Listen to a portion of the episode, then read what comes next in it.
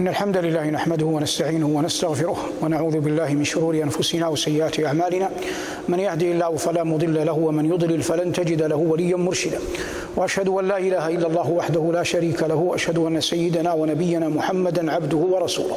صلى الله عليه وعلى آله وأصحابه وعلى سائر من اقتفى أثره واتبع هديه بإحسان إلى يوم الدين وبعد. أيها المباركون هذا ما نحن فيه من الخير في تفسير كلام ربنا تبارك اسمه وجل ثناؤه. ولقاء اليوم عنوانه وبشر الصابرين.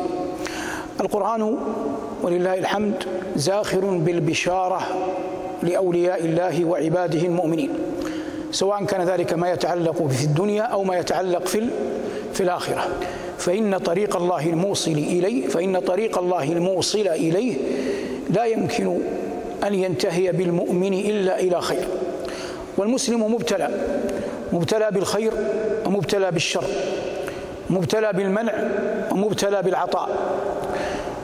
يفقد ويعطى. وكل ذلك ابتلاء له في هذه الحياة الدنيا. إن هديناه السبيل إما شاكرا وإما كفورا. والطريق إلى الله إما طريق سراء مطيته الشكر وإما طريق ضراء مطيته الصبر. والله عز وجل قال ولنبلونكم بشيء من الخوف والجوع ونقص من الأموال والأنفس والثمرات. وبشر الصابرين الذين إذا أصابتهم مصيبة قالوا إنا لله وإنا إليه راجعون. أولئك عليهم صلوات من ربهم ورحمة وأولئك هم المهتدون. المقصود من الدرس أن العلم بالأجر يعين على الاحتساب والصبر. ما المقصود من الدرس؟ أن العلم بالأجر يعين على الاحتساب والصبر. ويجعل المؤمن يرضى بقضاء الله وقدره. ولا ريب أن الله قال ولنبلونكم بشيء من الخوف والجوع ونقص من الأموال وأشدها النقص في في الأنفس ونقص من الأموال والأنفس والثمرات. وبشر الصابرين. وعلمنا الله أن نقول إنا لله وإنا إليه راجعون.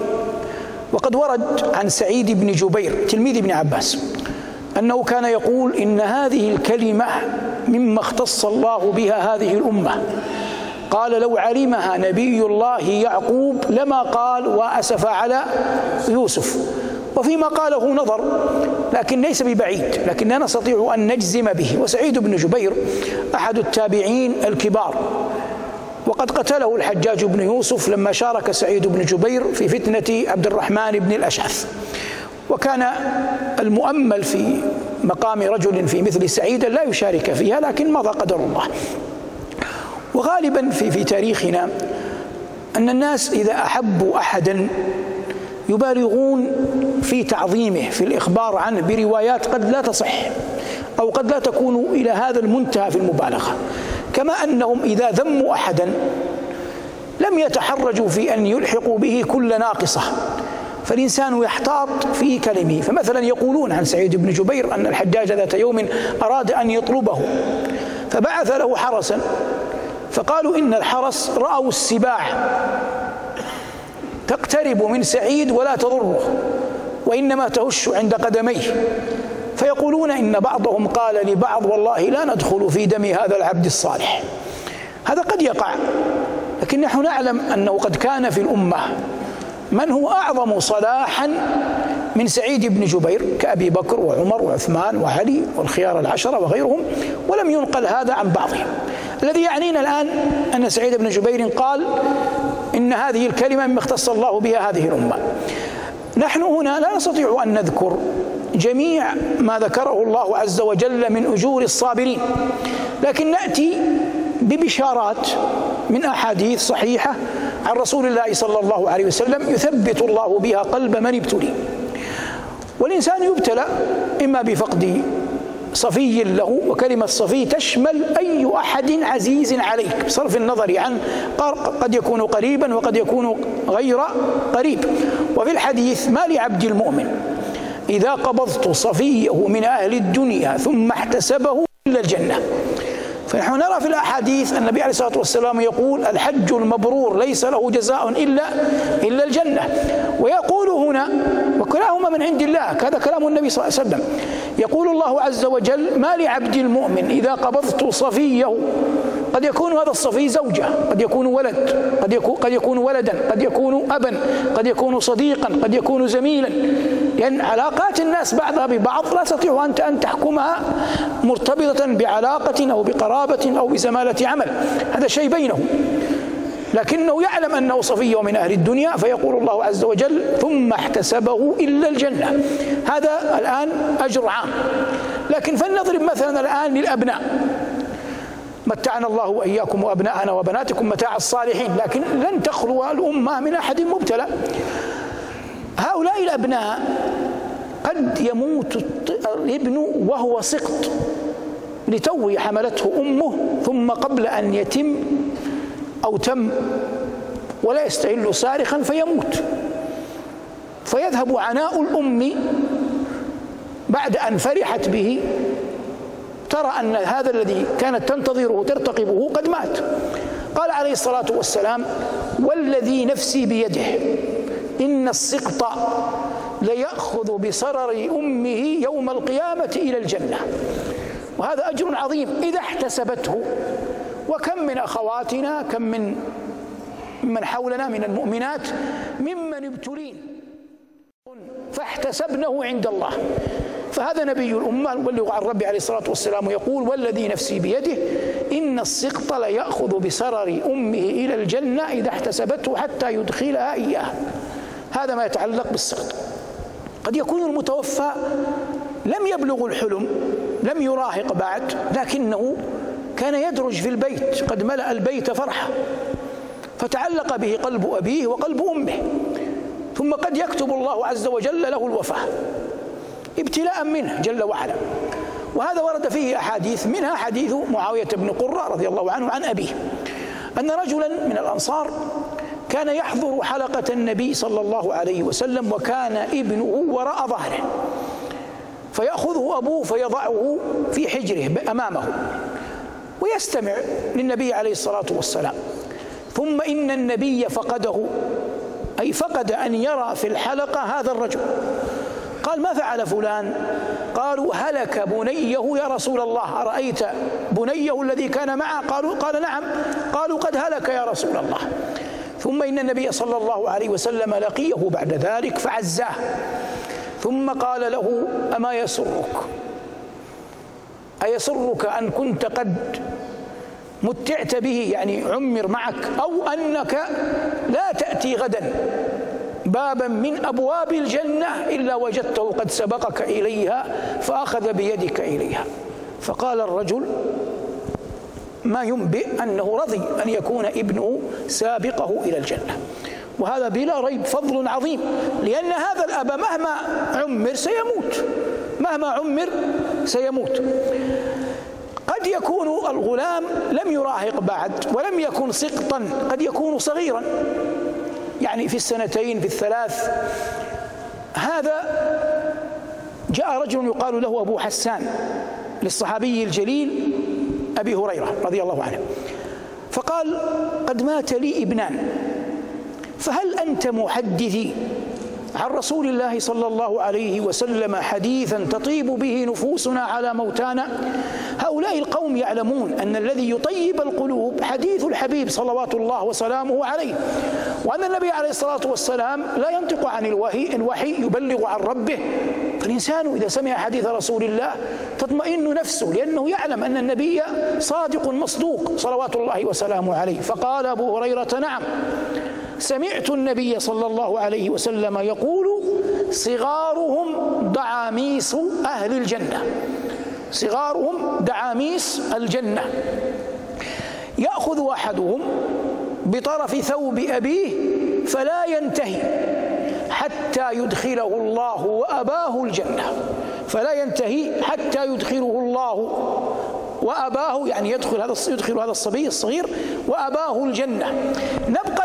في مفردة دعاميس. دعاميس جمع مذكر جمع تكسير.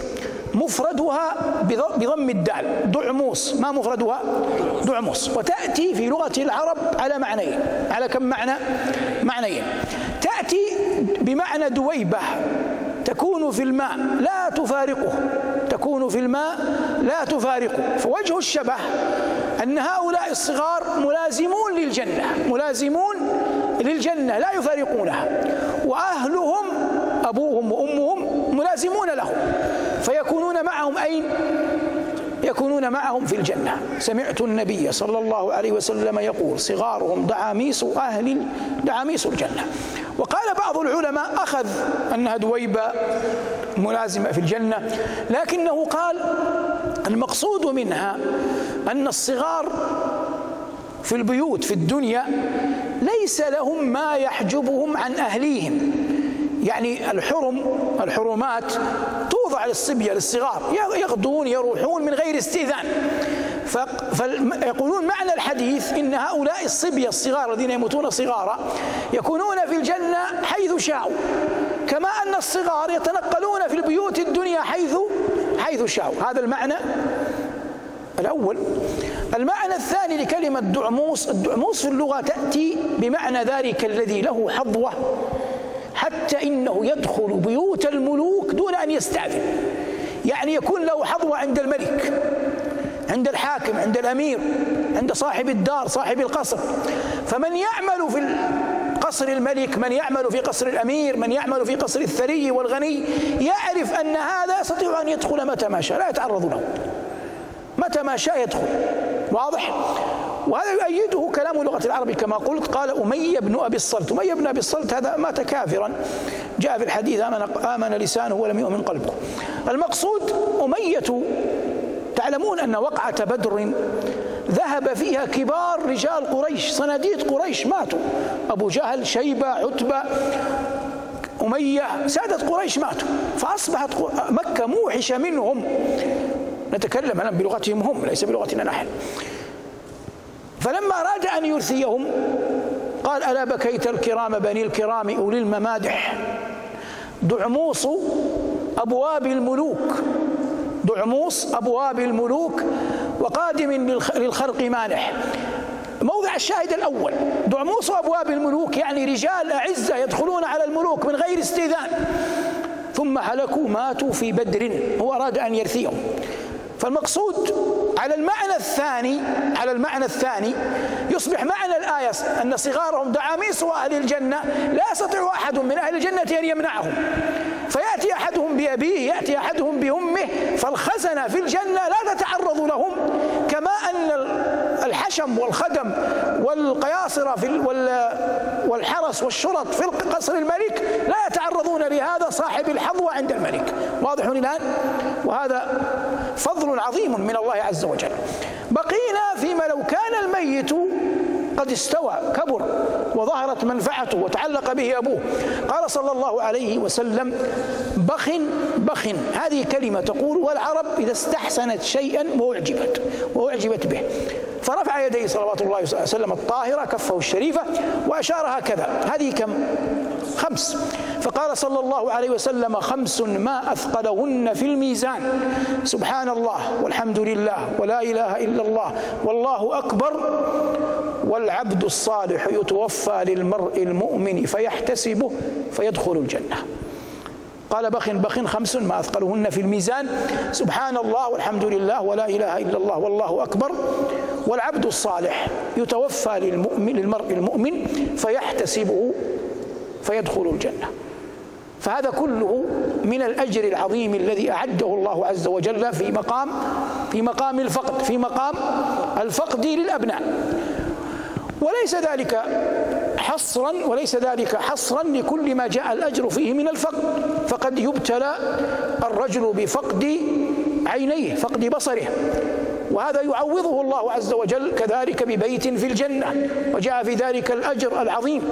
لأن لأن العينين ليس فقدهما عافانا الله وإياكم بالأمر الهين. لكن الله عز وجل يكون على يقين أنه لا يضيع أجر المحسنين. وتأمل حديثين. الحديث الأول أن النبي صلى الله عليه وسلم لما خلق أبانا آدم مسح على ظهره فأخرج منه كل نسمة كائنة إلى يوم القيامة فرآهم أبوهم آدم. فرأى آدم بنيه فوجد منهم المعافى والمبتلى. فقال أي ربي لو سويت بين عبادك. قال الله يا آدم إني أحب أن أشكر. الله يجعلنا وإياكم من الشاكرين. نعمة العافية لا تعدلها نعمة. نعمة العافية لا تعدلها نعمة. وكونك تقدر والله على أن تأتي المسجد نعمة. تقدر على أن تصوم نعمة. تقدر على أن تشهد الجمع والجماعات نعمة. تقدر على أن تأتي البيت العتيق فتطوف حاجا أو معتمرا نعمة. تقدر أن تذهب لتقوم بحق والديك أحدهما أو كلاهما نعمة. وهذه لا تؤتى إلا بنعمة العافية. لكن بعض أحبتنا بعض إخواننا بعض أهلنا بعض جيراننا بعض المسلمين يمتع بالنعمة. بنعمة العافية وهو أكثر وقته قد انكفى على أصحاب له. يقضي جل وقته في القيل والقال. لا يكاد يوما يجيب مؤذن ولا يقوم بعمل معروف ولا يدور بخلده أن يأتي البيت العتيق فيعتمر ولا أن يذهب إلى أرملة فيطعمها ولا إلى مسكين فيواسيه. ما دمت. قد عافاك الله فاجعل هذه العافية في في طاعة الله فإما أن تفقدها فجأة وإما أن تعمر فإذا عمرت شئت أم أبيت ضعفت قواك وذهبت قوتك واحدودب ظهرك وثقل منك ما خف وخف منك ما كان يثقل. فلا تستطيع بعدها أن تعان. فيأتي الثواب الإلهي. ما الثواب الإلهي؟ من كان ذا قدرة وعافية فجعلها في الطاعة ثم حال مرض وأقعده بينه وبين الطاعة فإن أرحم الراحمين يكتب له ما قد ما قد مضى كأنه يأتيه. لكن من الذي يعزي نفسه؟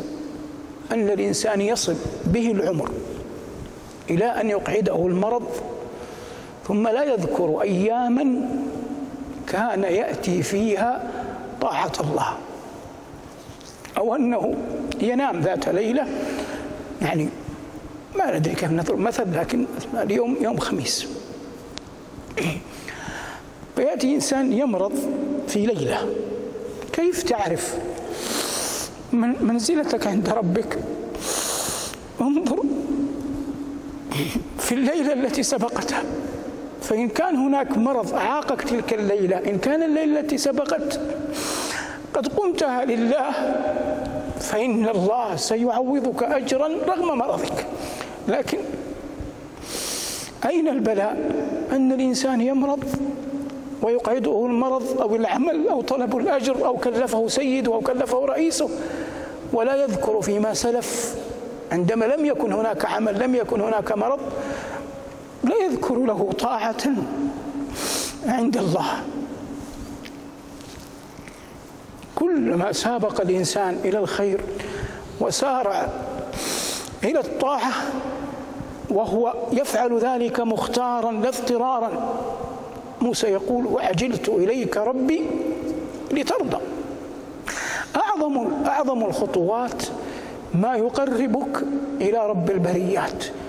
وكلما كان الإنسان مقبلا على الله بقلبه أعان الله جسده على الطاعة. ومن لم يقبل على الله بقلبه ثقل البدن على على الطاعة. يقول أحد من غلبت عليه المعصية للحسن البصري قال يا أبا سعيد إنني لا أراني محروما من شيء رغم أنني آتي المعاصي والكبائر. ولا أرى الله جل وعلا حرمني من شيء. المال عندي مال. الأبناء عندي أبناء. ما يريده الناس من جاه عندي جاه. ما أرى الله حرمني من شيء. ماذا قال له الحسن؟ قال أسألك سؤالا. قال نعم. قال يا فلان تقوم الليل؟ قال الرجل لا. قال وتقول ما حرمني؟ كفاك أنه حرمك من مناجاته. اللهم إنا نسألك عفوك وعافيتك والهداية إلى دينك وصلى الله على محمد وآله والحمد لله رب العالمين.